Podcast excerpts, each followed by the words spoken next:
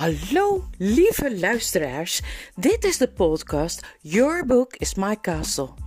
En dit is de laatste aflevering van dit seizoen en van de Chronieken van Nadia. De 110e aflevering. Gaaf, hè?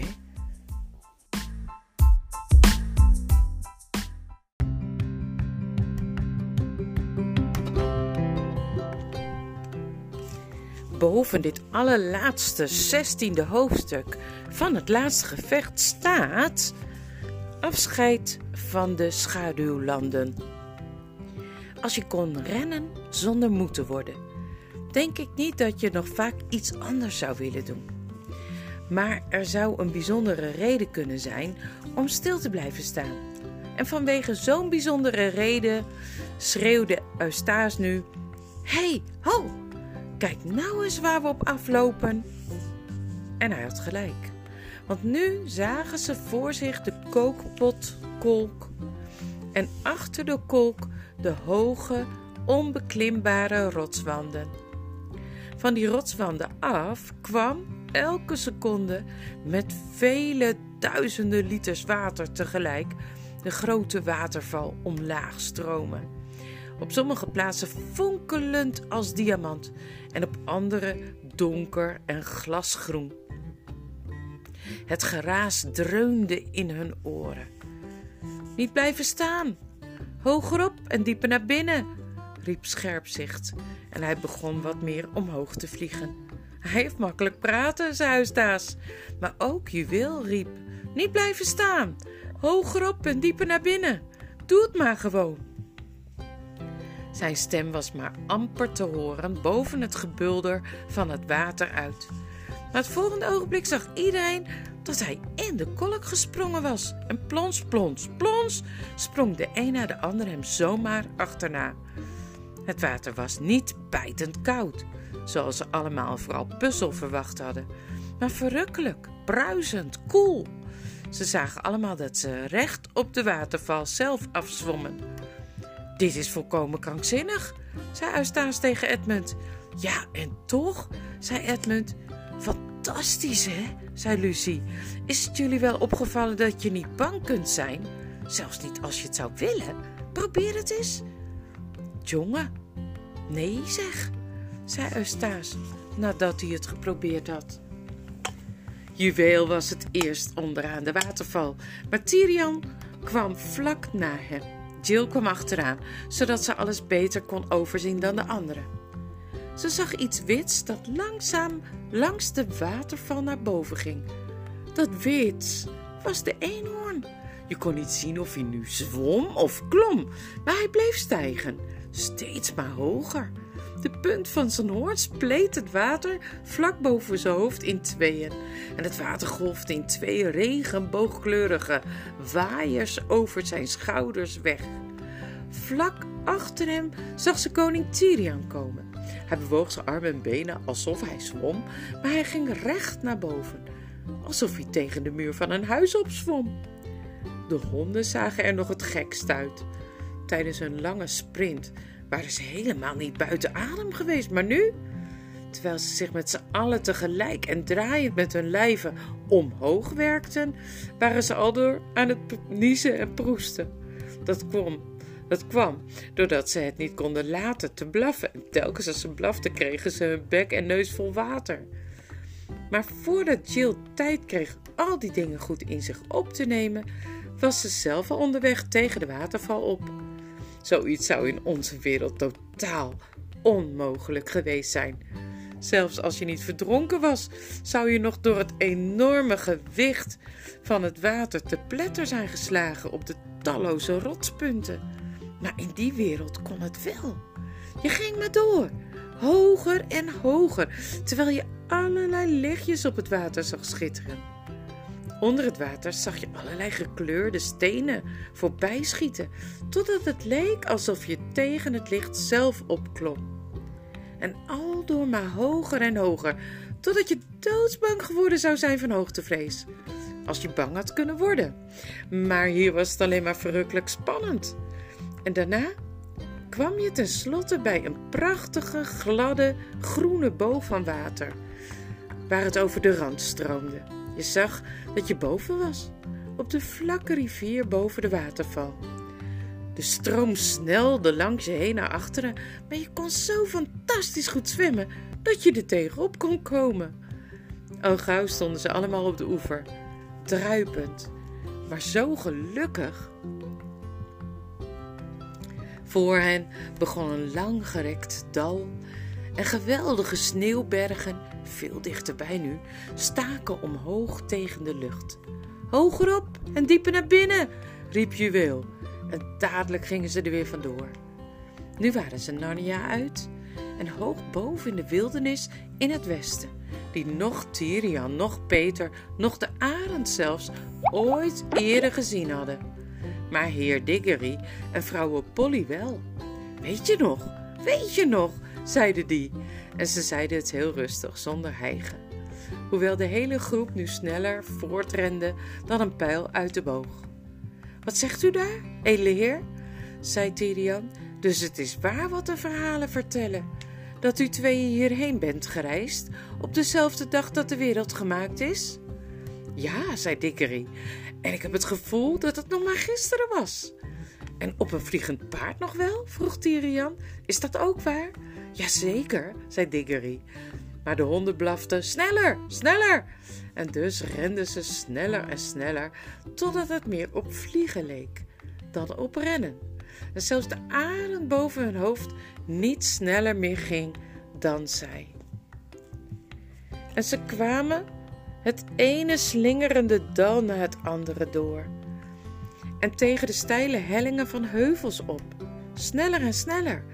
Aan de andere kant weer omlaag. Ze volgden de rivier en soms staken ze hem over en ze schoten over bergmeren als levende speedboten.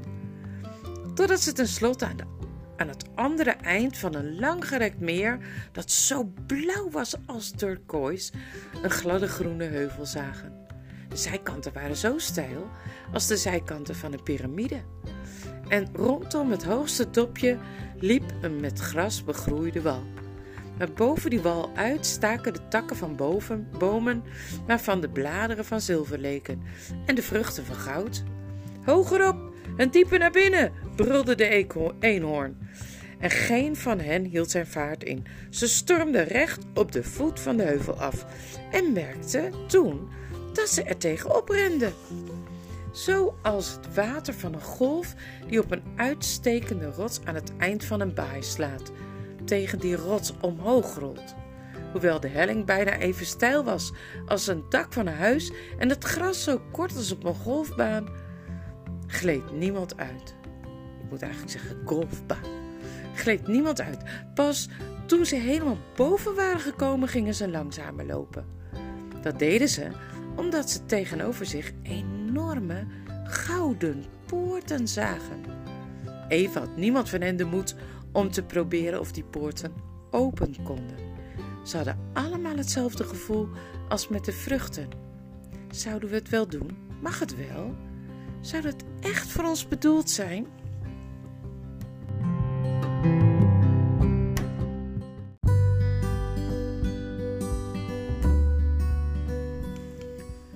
Terwijl ze daar zo stonden, klonk er ergens binnen in de ommuurde tuin luid hoorngeschal.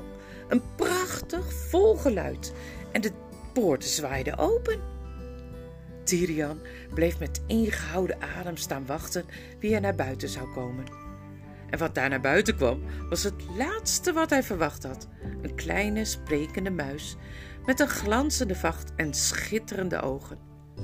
Tussen een gouden band om zijn hoofd was een rode veer gestoken en zijn linker voorpoot rustte op een lang zwaard. De muis boog een prachtige buiging en zei met schrille stem: Welkom, in naam van de leeuw, kom hogerop en verder naar binnen. Toen zag Tyrian koning Peter en koning Edmund en koningin Lucie naar hem toe rennen en neerknielen om de muis te begroeten. En allemaal riepen ze: Rippertjeep, en Tyrians hart ging sneller kloppen. Zo was hij onder de indruk. Hij begreep dat hij naar een van de grote helden van Narnia stond te kijken. Rippertjeep de muis, die in de grote veldslag van Beruna gevochten had en die later met koning Caspian de Zeevaarder naar het eind van de wereld was gevaren. Maar voordat hij tijd kreeg om daarbij stil te staan, voelde hij twee sterke armen om zich heen en een baardige kus op zijn wangen.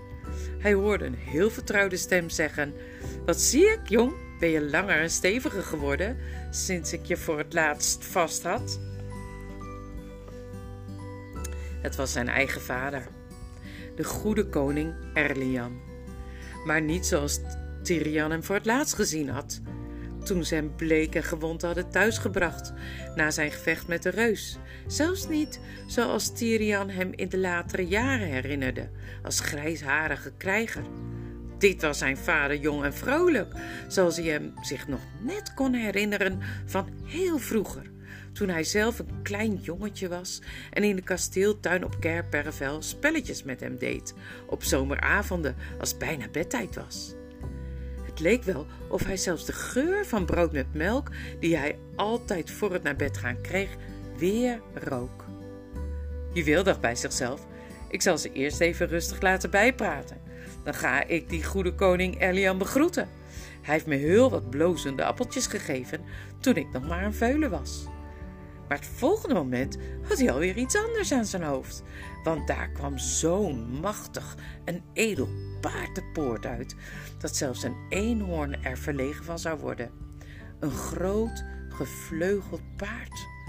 Hij keek even naar Hidikory en vrouw Polly en hinnikte: Nee, maar, beste neef, beste nicht. En allebei schreeuwden ze: Wiek! Die goeie oude Wiek! En ze vlogen naar hem toe om hem te kussen. Intussen nodigde de muis hen opnieuw uit om binnen te komen.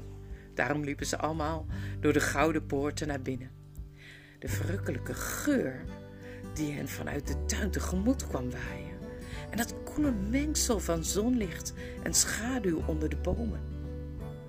Ze liepen op zacht gras dat bezaaid was met witte bloemen het allereerste dat hun allemaal opviel was dat het er veel groter was dan het van buitenaf geleken had. Maar niemand had tijd om daarover na te denken, want van alle kanten kwamen er mensen en dieren aan om de nieuwkomers te begroeten. Iedereen van wie je ooit gehoord had. Als je de geschiedenis van de landen kende, leek er wel te zijn. Glimveer de uil, De moeraswiebel, koning Rilian de onttoverde, en zijn moeder, die een dochter van een ster was. Zijn roemruchte vader Caspian zelf, en vlak naast hem liepen heer Drinian en heer Bern en Trompoen de dwerg en Truffeljager de Goede Das, met Glenstorm de centaur en nog honderd andere helden uit de grote bevrijdingsoorlog. Toen kwamen uit een andere richting Koor, de koning van Argeland, met koning Lune, zijn vader, en koningin Arevis, zijn vrouw, en de dappere prins Corin Dondervuist, zijn broer, en Brie het paard en Winne de merrie. En toen, dat was voor Tyrian helemaal wonderbaarlijk, kwamen uit een nog verder verleden de twee goede bevers en Tumnus de faun. En er werd gegroet en gekust. En er werden handen geschud en grappen opgehaald. Je hebt er geen idee van hoe goed een oude grap klinkt als je hem weer tevoorschijn haalt. Na hem vijf of zeshonderd jaar te hebben laten rusten. En het hele gezelschap begon naar het midden van de boomgaard te lopen, waar de vogel Phoenix op hen allemaal zat neer te kijken vanuit een boom. Aan de voet van die boom stonden twee tronen met daarop een koning en een koningin die er zo indrukwekkend en mooi uitzagen dat iedereen voor hen neerboog. Dat mocht ook wel, want die twee waren koning Frank en koningin Helena, van wie alle vroegste koningen van Narnia en Argenland afstammen. En Tyrian voelde zich zoals jij je zou voelen als je voor Adam en Eva in al hun glorie werd gebracht. Ongeveer een half uur later of misschien was het ook wel een halve eeuw later, want de tijd daar is niet zoals de tijd hier, stond Lucy met haar lieve vriend, haar eerste vriend in Narnia, de Faun Tumnus, over de muur van die tuin naar beneden te kijken. Onder zich zagen ze hoe heel Narnia zich voor hen uitstrekte. Als je omlaag keek, merkte je dat deze heuvel veel hoger was dan je zou denken. Hij liep met stralend witte rotswanden naar beneden, tot honderden meters onder hen. De bomen in die wereld daar leken niet groter dan groene zoutkorreltjes. Toen keerde ze zich om naar binnen en ging met haar rug. Toen keerde ze zich om naar binnen en ging met haar rug tegen de muur staan en keek naar de tuin. Ik begrijp het, zei ze tenslotte nadenkend. Nu begrijp ik het. Deze tuin is net als die stal. Van binnen is hij veel groter dan hij van buiten was. Natuurlijk, dochter van Eva, zei de faun. Hoe hoger op, hoe verder naar binnen je gaat, hoe groter alles wordt. Van binnen is het groter dan van buiten. Lucie keek heel goed naar de tuin en zag dat het eigenlijk helemaal geen tuin was, maar een hele wereld. Met rivieren en bossen en zee en bergen. Maar die waren niet nieuw, ze kenden ze allemaal. Ik begrijp het, zei ze. Dit is nog steeds Narnia, nog echter, nog mooier dan het Narnia daar beneden. Precies zoals dat weer echter en mooier was dan het Narnia buiten de staldeur. Ik begrijp het. In iedere wereld weer een wereld. In ieder Narnia een nieuw Narnia. Ja, zei meneer Tumnus, net als bij een ui. Alleen is, als je verder naar binnen gaat, iedere ring juist groter dan de vorige. Lucie keek naar van alles en nog wat en merkte al gauw dat er iets nieuws en heerlijks met haar gebeurd was. Waar ze ook naar keek, hoe verder weg het ook was, als ze haar ogen er eenmaal goed op ingesteld had, werd het heel duidelijk en kwam het dichtbij, alsof ze door een telescoop stond te kijken. Ze kon de hele woestijn in het zuiden zien, daarachter de geweldige stad Tashbaan. Naar het oosten kon ze Kerpervel zien, aan de rand van de zee, en zelfs het raam van wat ooit haar eigen kamer was geweest. En ver weg op zee kon ze de eilanden ontdekken, het ene eiland na het andere, tot aan het eind van de wereld. En voorbij het einde de hoge berg, die ze het land van Asland, Aslan genoemd hadden. Maar nu zag ze dat het een onderdeel was van een geweldige bergketen die de hele wereld omringde. Voor haar leek die tot vlakbij te komen. Toen keek ze naar links en zag iets dat ze voor het eerst dat ze eerst voor een grote helder gekleurde stapelwolk hield, van hen gescheiden door een kloof. Maar ze keek scherper en zag dat het helemaal geen wolk was, maar een echt land. En toen ze haar ogen op één bepaald gedeelte ervan had ingesteld, riep ze meteen: Peter, Edmund, kom eens kijken, kom gauw. En ze kwamen kijken, want ook hun ogen waren net als die van haar geworden.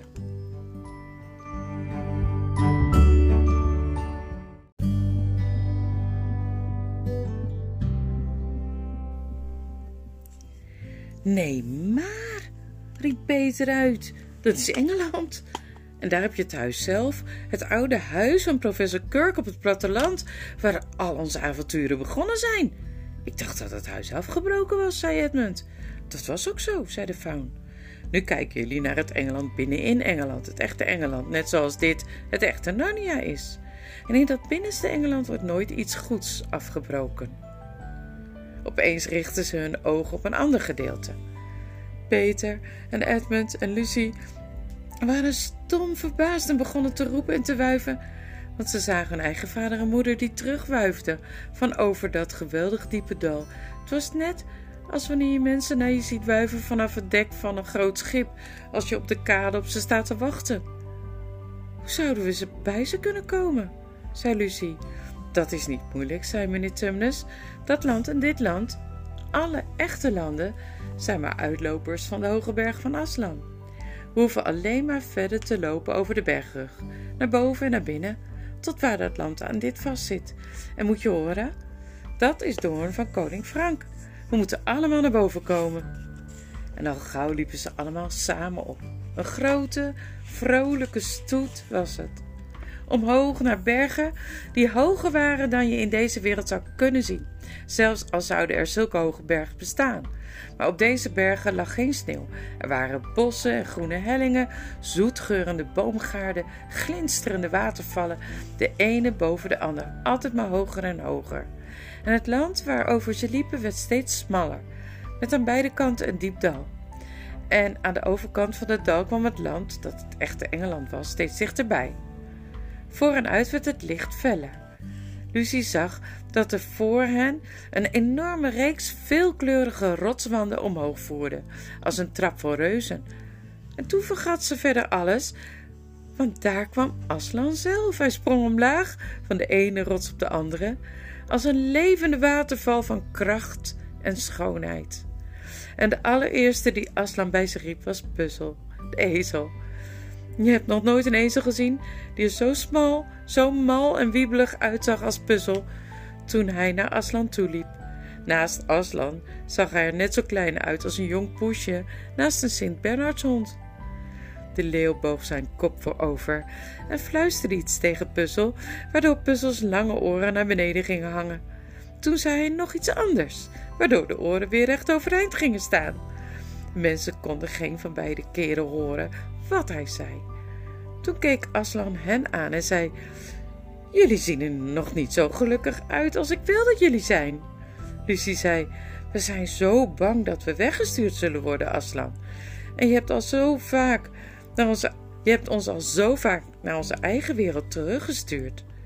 Daar hoef je niet bang voor te zijn, zei Aslan. Heb je het dan nog niet geraden? Hun hart sprong op en een wilde hoop kwam in hen boven. Het was echt een spoorwegongeluk, zei Aslan zacht. Jullie vader en moeder en jullie allemaal zijn, zoals jullie het vroeger in de schaduwlanden noemden, dood.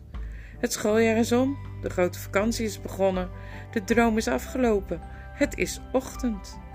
En terwijl hij sprak, zag hij er in hun ogen niet langer uit als een leeuw. De dingen die daarna begonnen te gebeuren waren zo indrukwekkend en prachtig dat ik ze niet op kan schrijven. Voor ons is dit het einde van de Kronieken van Narnia, maar voor hen was het nog maar het begin van het echte verhaal. Hun hele leven in deze wereld en al hun avonturen in Narnia waren niet meer dan de omslag en de titelpagina geweest. Nu begonnen ze eindelijk aan hoofdstuk 1 van het grote verhaal dat niemand op aarde nog gelezen heeft, dat voor eeuwig door blijft gaan en waarin ieder hoofdstuk nog mooier is dan het vorige.